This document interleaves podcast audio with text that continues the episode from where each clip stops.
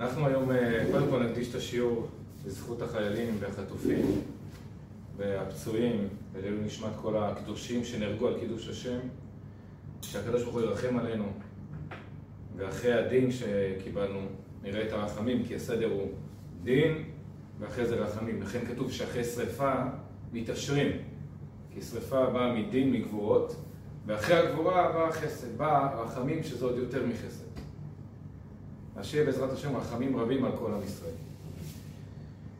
אנחנו נדבר היום על uh, תופעה היסטורית שקורית בימים האלו.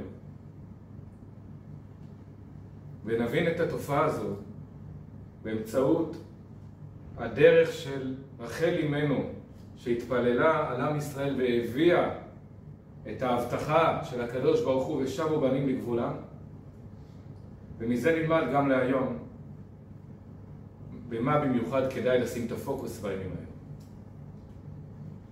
קודם כל בימים האלו, אחרי ההלם שאנחנו עדיין לא מצליחים לעכל, את האסון הבלתי נתפס של שמחת תורה. אנחנו רואים תופעה היסטורית שקורית עכשיו, ברגעים אלו, בימים אלו, בארץ ובעולם. תופעה שלפחות בעיניי זה משהו שלקוח מהספרים, זה משהו שאולי אה, מזכיר סיפורים שסיפרו לנו, או תמונות שראינו ממלחמת ששת הימים, ולדבר על התופעה הזו של האחדות בעם ישראל. ואנחנו צריכים להתבונן בזה, כי זה לא דבר פשוט. לנו נראה דבר טבעי, שכשיש מלחמה, אז מתאגדים ביחד, שוכחים מה שהיה, כולם באים להתנדב, מתנדבים ותורמים דם, מתנדבים ותורמים ומביאים לחיילים כל מה שהם רוצים, ולמפונים עוזרים. ואני פה עובד עם אה, בסיס פה לידינו. כל הזמן פונים אליי שאני אפנה אליהם, כולל זמרים גדולים ביותר שרוצים לבוא ולשמח, ותרומות מגני ילדים שבאים ורוצים להביא לחיילים, או שחייל יבוא אליהם והם ייתנו לו. אבל להתבונן, ואני רוצה להביא כמה דוגמאות שימחישו עד כמה התופעה הזו היא תופעה לא, לא רציונלית, ואז נצטרך לצלול ולהבין מה באמת עומד מאחורי התופעה הזו. הרי זה ברור, שאם נספר לתאילנדים שיש להם תאילנדים שבויים פה, זה יפריע להם. אבל עד כמה ירגש אותם אם יצליחו להוציא שבוי אחד ולהחזיר אותו חזרה. ההתרגשות שהייתה פה, ששחררו את החיילת שלנו, את אורי מגידיש. איזה שמחה זה הביא לעם ישראל. איך הלבבות של כולנו התרגשו ושמחו. אחרי כל הכאב שאנחנו חווינו וחווים, ועם כל הסבל שאנחנו מרגישים שחווים השבויים האחרים. הלב פתאום התרחב, פתאום הרגשנו שמחה, לא משנה מי זה היה. כמובן רוב עם ישראל לא מכיר את המשפחה ולא מכיר את החיילת, אבל הרחובות, אנשים רקדו ברחובות. אנשים רצו לבוא ליד הבית שלה, באו ושמחו ורקדו. הרגשנו פתאום שמחה עצומה. מה זה הדבר הזה? מה מגיע השמחה? למה אנחנו כל כך שמחים מישהי שאנחנו לא מכירים יצא מהשם? אגב, בתניא הוא כותב, אין לך שמחה גדולה כצאת מהגלות והשוויון. ואתמול ראינו מה זה השמחה הזו. אבל למה באמת אצל עם ישראל זה ככה? למה אצלנו אנחנו כל כך שמחים? אני זוכר את גלעד שליט ששחררו אותו. לא נדבר על המחיר הכבד ששילמנו. אבל עצם השחרור שלו ודאי היה משמח. כולם שמחו.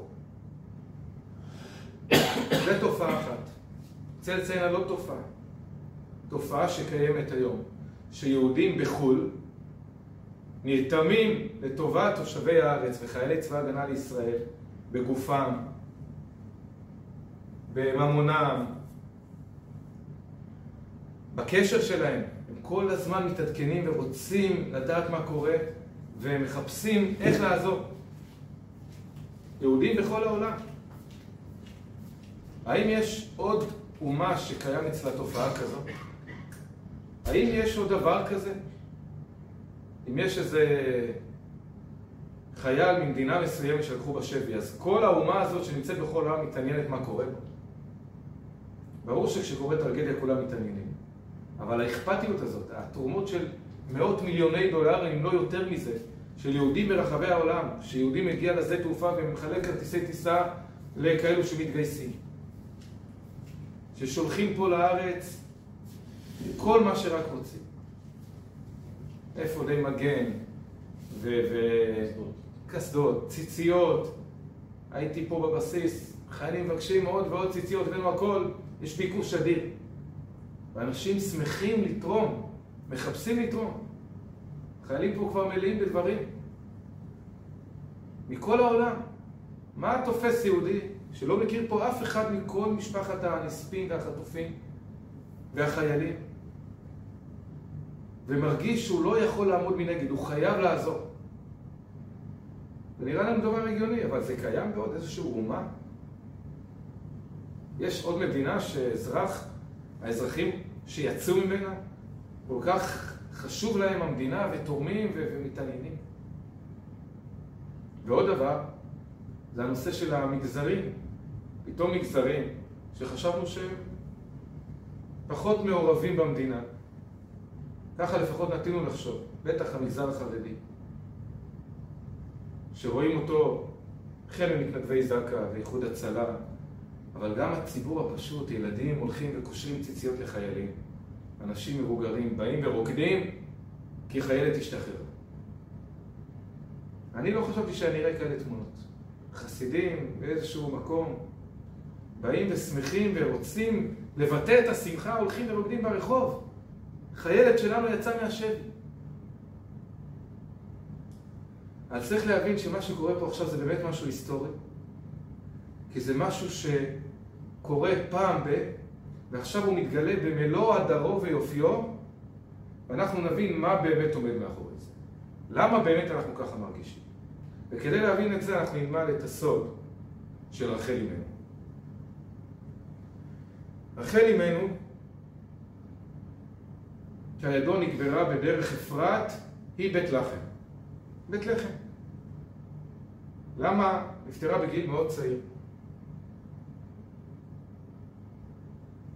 למה היא נפטרה בדרך אפרת היא בית לחם ולא במערת המכפלה יחד עם כל האבות והאימהות, עם אדם וחווה?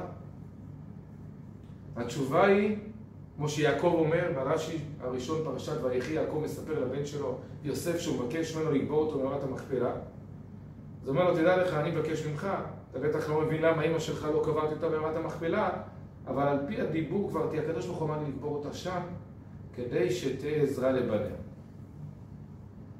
הקדוש ברוך הוא אמר כי הוא ידע שזה הרצון של רחל. שהיא תעזור לבניה כשאלף שנים אחרי נבוזרדן יגלה את עם ישראל לבבל, ועם ישראל יעבור דרך בית לחם. ואז היא תצא ותצא מקברה ותתפלל לקדוש ברוך הוא. ורחל מענה להתנחם. לא מסכימה להתנחם עד שהקדוש ברוך הוא בא ומבטיח לה, יש תקווה לאחיתך ושבו בנים לגבולה. למה דווקא רחל פעלה את זה? מה המיוחד בפעולה של רחל? הפעולה הזו הייתה עוד פעולה שכמובן ויתרה ללאה, וכולי, כל הסיפור עם הסימנים שמסר לה את הסימנים כדי שלא תתבייש, סימנים שהיא סגרה עם יעקב, שידע שאבא של הרמאי, אולי הוא יעשה דבר כזה, אז אה, היה סימנים בין יעקב לבין רחל, והיא ידעה שאם לאה לא תדע את הסימנים האלו, תתבייש, כי יעקב לא התחתן איתה, היא מסרה לה את הסימנים. ואז היא באה לקדוש ברוך הוא ואומרת, לא, תקרא, אני ויתרתי לאחותי, ואני חוויתי שנים מאוד מאוד קשות, אבל העיקר עשיתי כדי שלא תיפגע, בוודאי שאתה יכול לסלוח לבנים שלך. אבל הסיפור הזה, שהיא הלכה וקברה והסכימה להיקבר, ורצתה להיקבר, בדרך אפרתי בית לחם, זה הסיפור האמיתי שמביא את התוצאה של ושבו בנים לגבולם. יש שכר לפעולתך, איזה פעולתך?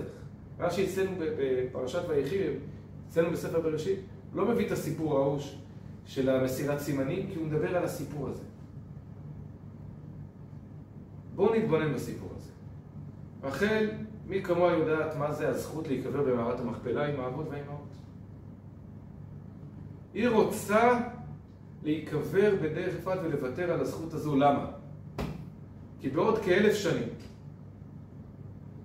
יהודים יצטרכו את התפילה שלה, יעברו ליד קברה. מי זה היהודים האלה? לא מדובר על יהודים צדיקים, מדובר על יהודים שהוגלו לבבל כי הם חטאו בדברים לא פשוטים שהגמרא מונה את הסיבות לחורבן בית ראשון, עבודה זרה, גילוי עריות, שפיכות דמים. בית שני כולם יודעים בעוון שנאת חינם. בית ראשון היו הרבה מאוד עבירות. והטבע שלנו לפעמים זה להגיד, אנשים חטאו שיקבלו את העונש שלהם. חטאו במזיד, פעם אחרי פעם, בעוד עבירה, העבירות הכי חמורות.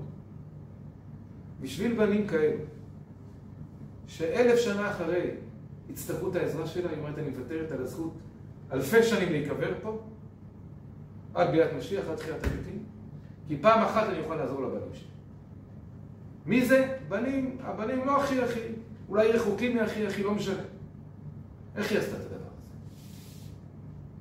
כי היא לא הסתכלה על ההתנהגות של עם ישראל.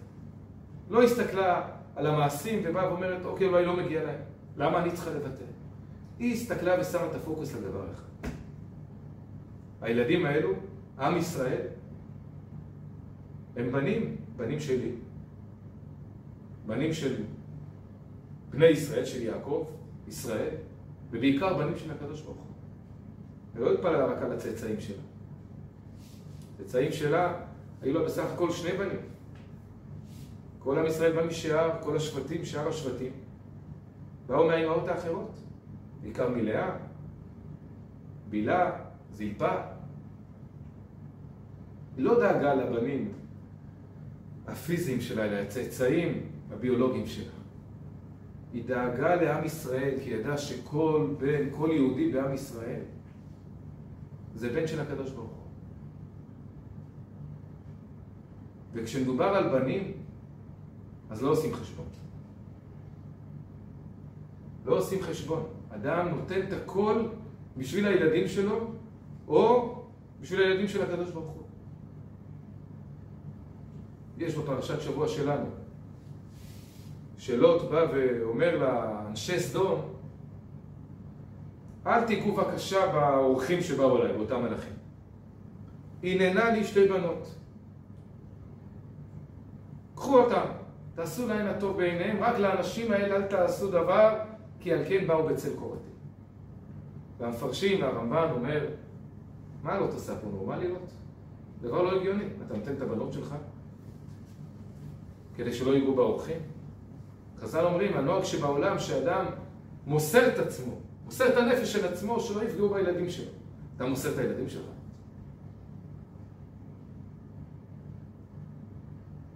רחל באה ואומרת, אין לי דבר יותר חשוב מהילדים. הילדים של הקדוש ברוך הוא.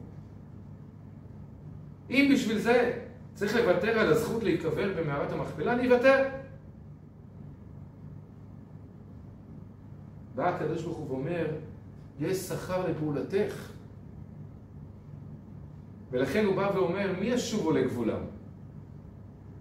ושבו, למה? למה ישובו לגבולם? כי ושבו בנים לגבולם. מידה כנגד מידה. כיוון שרחל הסתכלה על עם ישראל בתור בנים של הקדוש ברוך הוא, לא עניין אותה שום דבר אחר חוץ מזה, לא כל מה שמסביב, לא ההתנהגות, לא הדיבורים שלהם, המעשים שלהם, המלחמות שלהם, לא מעניין.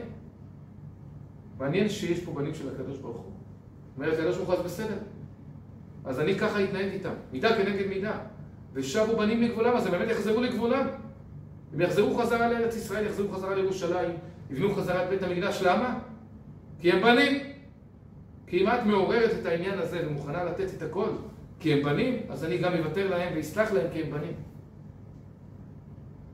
ולכן רחל היא זו שהצליחה להביא את ההבטחה ואת הבשורה הזו של הגאולה ושבו בנים לגאולה. ובעצם מה שקורה פה עכשיו, זה שמתגלה פה רובד פנימי שלנו, שרחל ראתה, ואנחנו לא תמיד רואים. לפעמים אנחנו חושבים שאנחנו כמו כולם, כמו האירופאים, כמו האמריקאים, כל אחד עם המנטליות שלו, אלה אוהבים יותר פיצה, אלה אוהבים יותר זית, ישראלים אוהבים יותר שטויות. אנחנו רגילים, עם ככל העמים. פתאום אנחנו נחשפים פה למשהו עמוק ופנימי שלא קיים, שאנחנו אחרים מכולם. איך אגב? לא רק אנחנו יודעים את זה. להבדיל אלף, אלף אלפי הבדלות, גם אותם רוצחים שפלים, חיות אדם, החמאסניקים האלה, יימח שמם וזכרם. והם גם יודעים את זה. הרי כשהם באו וטבחו והרגו, באכזריות הכי נוראית שיש, הם בדקו מה הבן אדם, כמה הוא שומר מצוות, מה הדעות שלו על הרפורמה. הם חיפשו יהודי, זהו, לא מעניין אותנו מה הוא. איך הוא מתנהג, איך הוא לא מתנהג. הוא יהודי. יהודי זה יהודי. והנקודה הזאת, שיהודי זה יהודי, זה בא לידי ביטוי בכמה דברים, ואחד מהם זה שכולנו משפחה.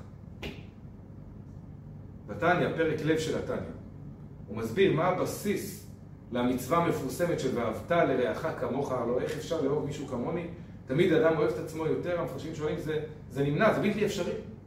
תמיד אדם בסוף אוהב את עצמו יותר מאחר. אז הוא מסביר שהבסיס הוא ההבנה וההפנמה של זה שכל הנשמות, כולנו באים מאותו מקום. כולנו אחים. איך כתוב בתלמוד הירושלמי? שאם אדם רב עם יהודי אחר, והוא מחזיר לו חזרה, זה אומר זה כמו שיד אחת תפגע ביד השנייה, והיד השנייה תפגע בחזרה. מה זה של אותו בן אדם? במי היד נוקמת? עם ישראל זה לא ריבוי אנשים. זה לא שיש 15 מיליון יהודים, 15 מיליון פריטים. לא. זה כמו שבאדם יש תרי"ג 613 איברים, ככה יש לעם ישראל 600 אלף נשמות כלליות שמתחלקות ל-600 אלף ניצוצות.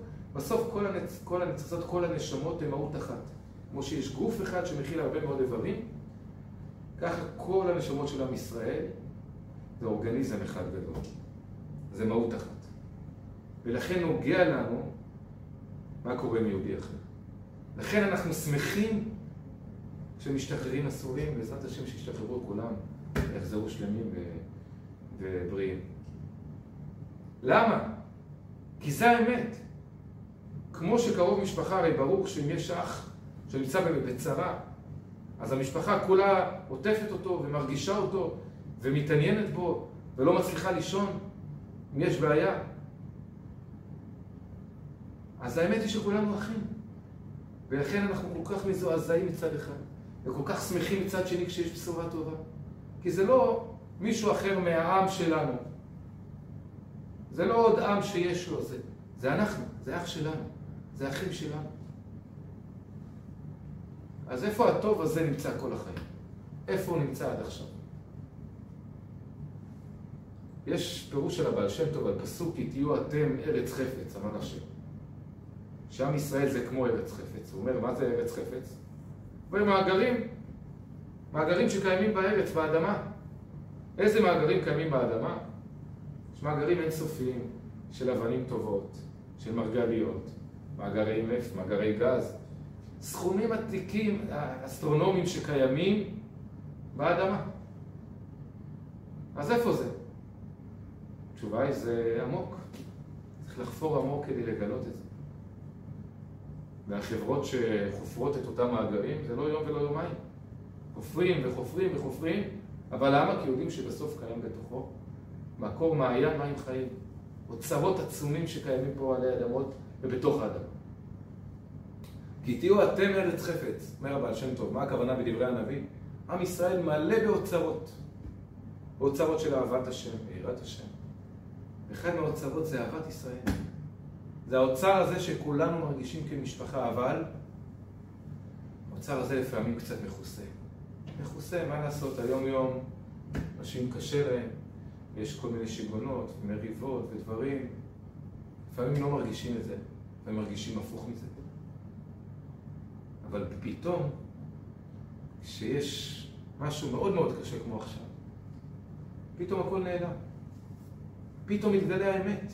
מה שקורה עכשיו זה שמתגלה האמת של יהודי. צריך לדעת את זה, שכל המריבות וה... והוויכוחים וההפך האהבה וכל הדברים האלה זה לא אמיתי. זה בדיוק כמו משפחה, לפעמים יש משפחות לא בריאות, שהקשר ביניהם הוא קשר לא טוב.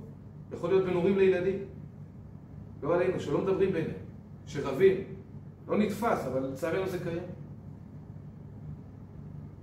אבל פתאום אם קורה איזה אסון, אז בהרבה מאוד מקרים פתאום, באותו רגע, יכול להיות שנים של נתק. פתאום מתחברים וכאילו כלום לא קרה. לא רוצים בכלל לדבר על מה שקרה. לא רוצים לזכור את זה, מתביישים בזה.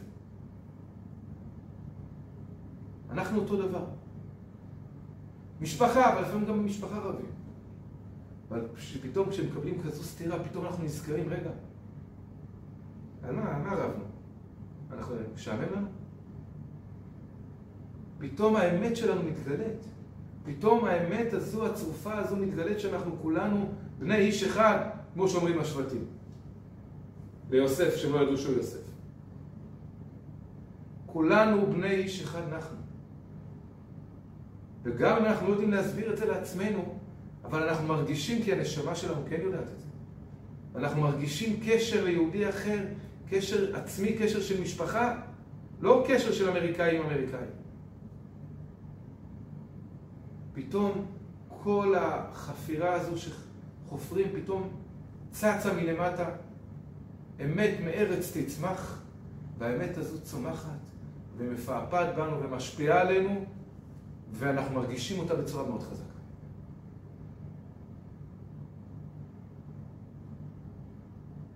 להבדיל, אנחנו רואים שבצד השני בדיוק הפוך. אנחנו שומעים, רגע, החמאס בא ואומר, מה קורה עם החיזבאללה? למה הם לא עוזרים לנו? מה, הם שכחו אותנו? הפקירו אותנו? איפה איראן, שמאמנת אותנו כל כך הרבה שנים ומאמנת אותנו? השאירו אותנו לבד בזירה. והכל כתוב בתורה. כתוב בתורה שבראש חודש סיוון עם ישראל הגיע למדבר, למדבר סיני לקבל את התורה, כתוב ויחן שם ישראל נגד ההר, מול ההר. למה כתוב ויחן ולא ויחנו? אומר רש"י כאיש אחד בלב אחד. אבל גם על מצרים כתוב ביטוי דומה. שכשעם ישראל רואה את המצרים בקריאת ים סוף, והנה מצרים נוסע אחריהם. למה נוסע ולא נוסעים? אומרים חז"ל גם כן, כאיש אחד בלב אחד. זה נשמע אותו דבר, אבל חז"ל דייקו ורש"י גם מביא את הפירוש הזה, מדייק פה. ויחן ישראל נגד ההר זה כאיש אחד בלב אחד. מצרים נוסע אחריהם זה בלב אחד כאיש אחד. מה ההבדל ביניהם? הרבי מלובביץ' כבר הסביר את זה. בלב אחד כאיש אחד, הכוונה היא יש פה לב אחד, יש פה איזושהי מטרה אחת. יש פה אינטרס. האינטרס הזה גרם למצרים להתאחד.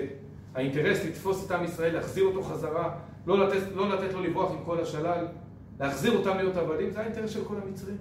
התאחדו, וואו, כל המצרים ביחד, בלב אחד, כאיש אחד. אבל למה הם היו כאיש אחד? כי היה להם בלב אחד, היה להם פה מטרה ואינטרס משותף. לעומת זה, וככה זה קיים אצל האומות, כי הם לא משפחה. המצרים הם לא משפחה אחת.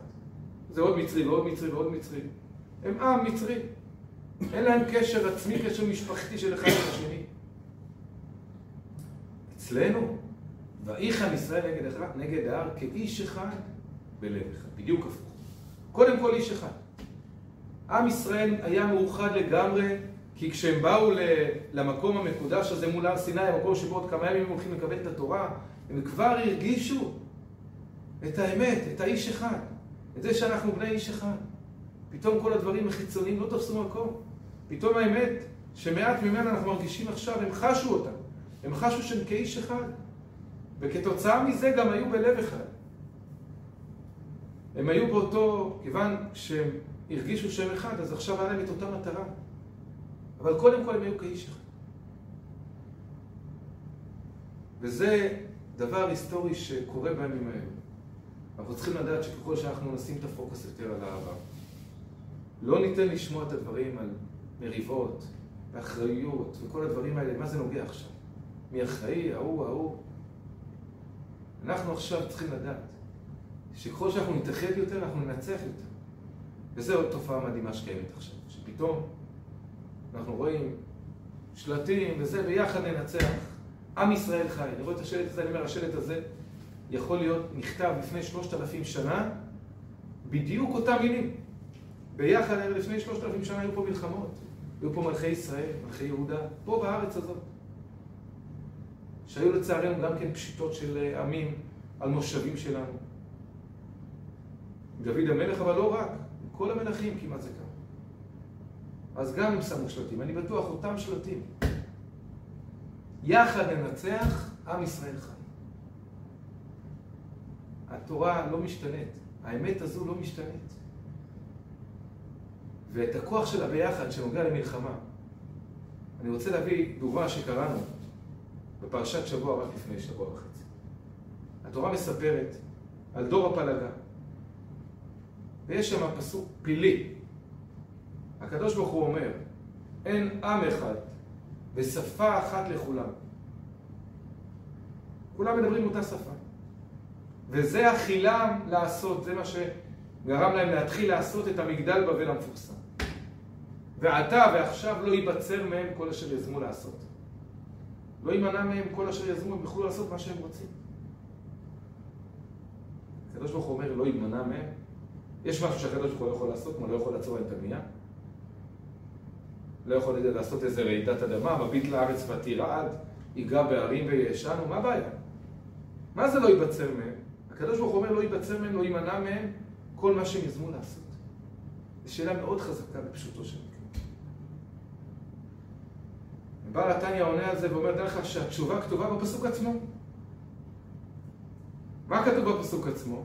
עם אחד ושפה אחת לכולם. הם היו רשעים מאוד, בין אדם למקום. אבל בין אדם לחברו, הם היו עם אחד ושפה אחת. והקדוש ברוך הוא קבע שכשנמצאים ביחד, לא מקבלים עונשים. אז לא ייבצר מהם. מה יהיה? הקדוש ברוך הוא אומר, כביכול אני, כביכול הכרחתי את עצמי ככה לעשות, שאם יש אחדות, אז אין קללה.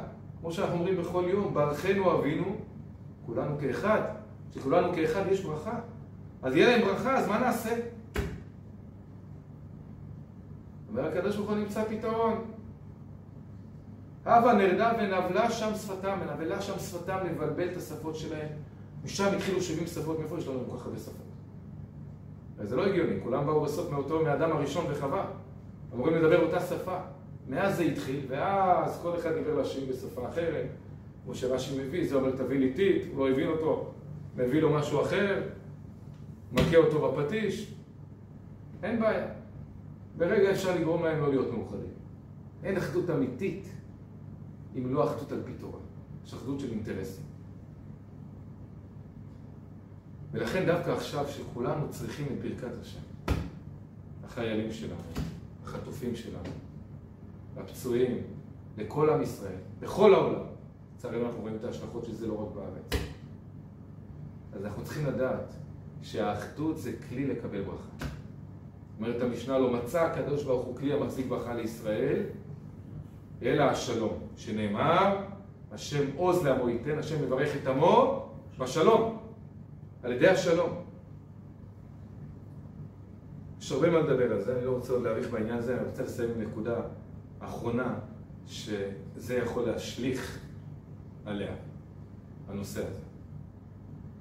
ההלם הפתאומי הזה שכולנו קיבלנו, שינה בבת אחת אותנו. שינה בבת אחת ההיסטוריה של המדינה שלנו, של העם שלנו. השואה הנוראית הזאת, שאומנם מבחינה כמותית כמובן זה לא השואה, אבל מבחינת האכזריות היא לא פחות מהשואה.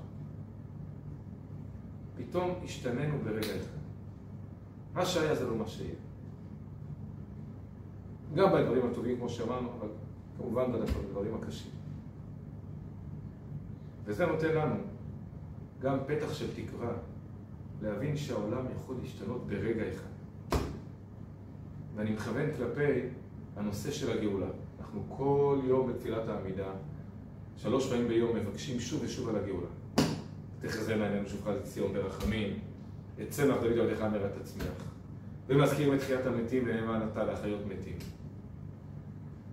השיבה שופטנו כבראשונה ויועצינו כבתחילה ועוד ועוד ועוד ועוד. לפעמים אנחנו עלולים לחשוב, מה עובר פה? מה כל כך הרבה מבקשים על הגאולה? לבקש על רפואה, על uh, ברכה, פרנסה, דברים הגיוניים, מה כל כך הרבה מתוך תפילת העמידה אנחנו מקדישים לגאולה? הרי כבר מעל 1900 שנות גלות מחורבן בית שני, לצערנו עדיין לא. פתאום הסיפור הזה נותן לנו להבין שברגע אחד הכל משתנה. מה שאף אחד לא חלם, היינו בטוחים, הכל בסדר, התקופה הכי בטוחה. הקדוש ברוך הוא רוצה משהו, ברגע זה קורה. גם הגאולה תבוא ברגע אחד. אנחנו צריכים לדעת שפתאום הגאולה תבוא, פתאום המשיח יבוא.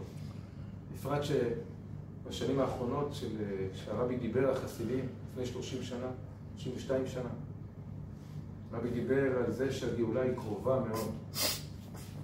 הוא אמר שיש פה גם עניין של נבואה, שהנה זה משיח בא. ועם כל השינויים האדירים שקורים בעולם בשנים האחרונות, בכל הבחינות. החל מהטכנולוגיה ומלחמות שהתחילו פתאום, והקורונה, כל כך הרבה דברים שלא מספיקים לעמוד בקצב שלהם, זה אולי נותן לנו קצת, יעזור, עוזר לנו להפיל את האסימון, שהמשיח אוטוטו מגיע. וכשהוא מגיע, זהו, נגמר החבילה, נגמר הסיפור, העולם הולך להשתנות לגמרי. הולך להיות, בעזרת השם, טוב מאוד מאוד גדול בעולם. לא יהיה צער, כמו שהרמב"ם כותב, לא יהיה קינה ולא תחרות ולא מלחמה. למה? הוא אומר, לא יעשה כל העולם אלא לדעת השם בלבד. ומביא את הפסוקים שהנביא אומר, לא יראו ולא ישחיתו. לכל הר קודשי. וגל זאב עם כנס, אומר הרמב"ם, זה משל לאומות העולם שהם יגורו עם עם ישראל בשלום. לא יהיו מכוונים, לא אחד לא, כולם ירצו רק לעזור לנו. אז תתגלה האמת בעולם, כי מלאה הארץ דעה את השם. ורק מעשה אחד קטן שלנו יכול להביא את הגאולה. כותב הרמב"ם, כל אדם צריך לראות את העולם כאילו הוא כף מאזניים.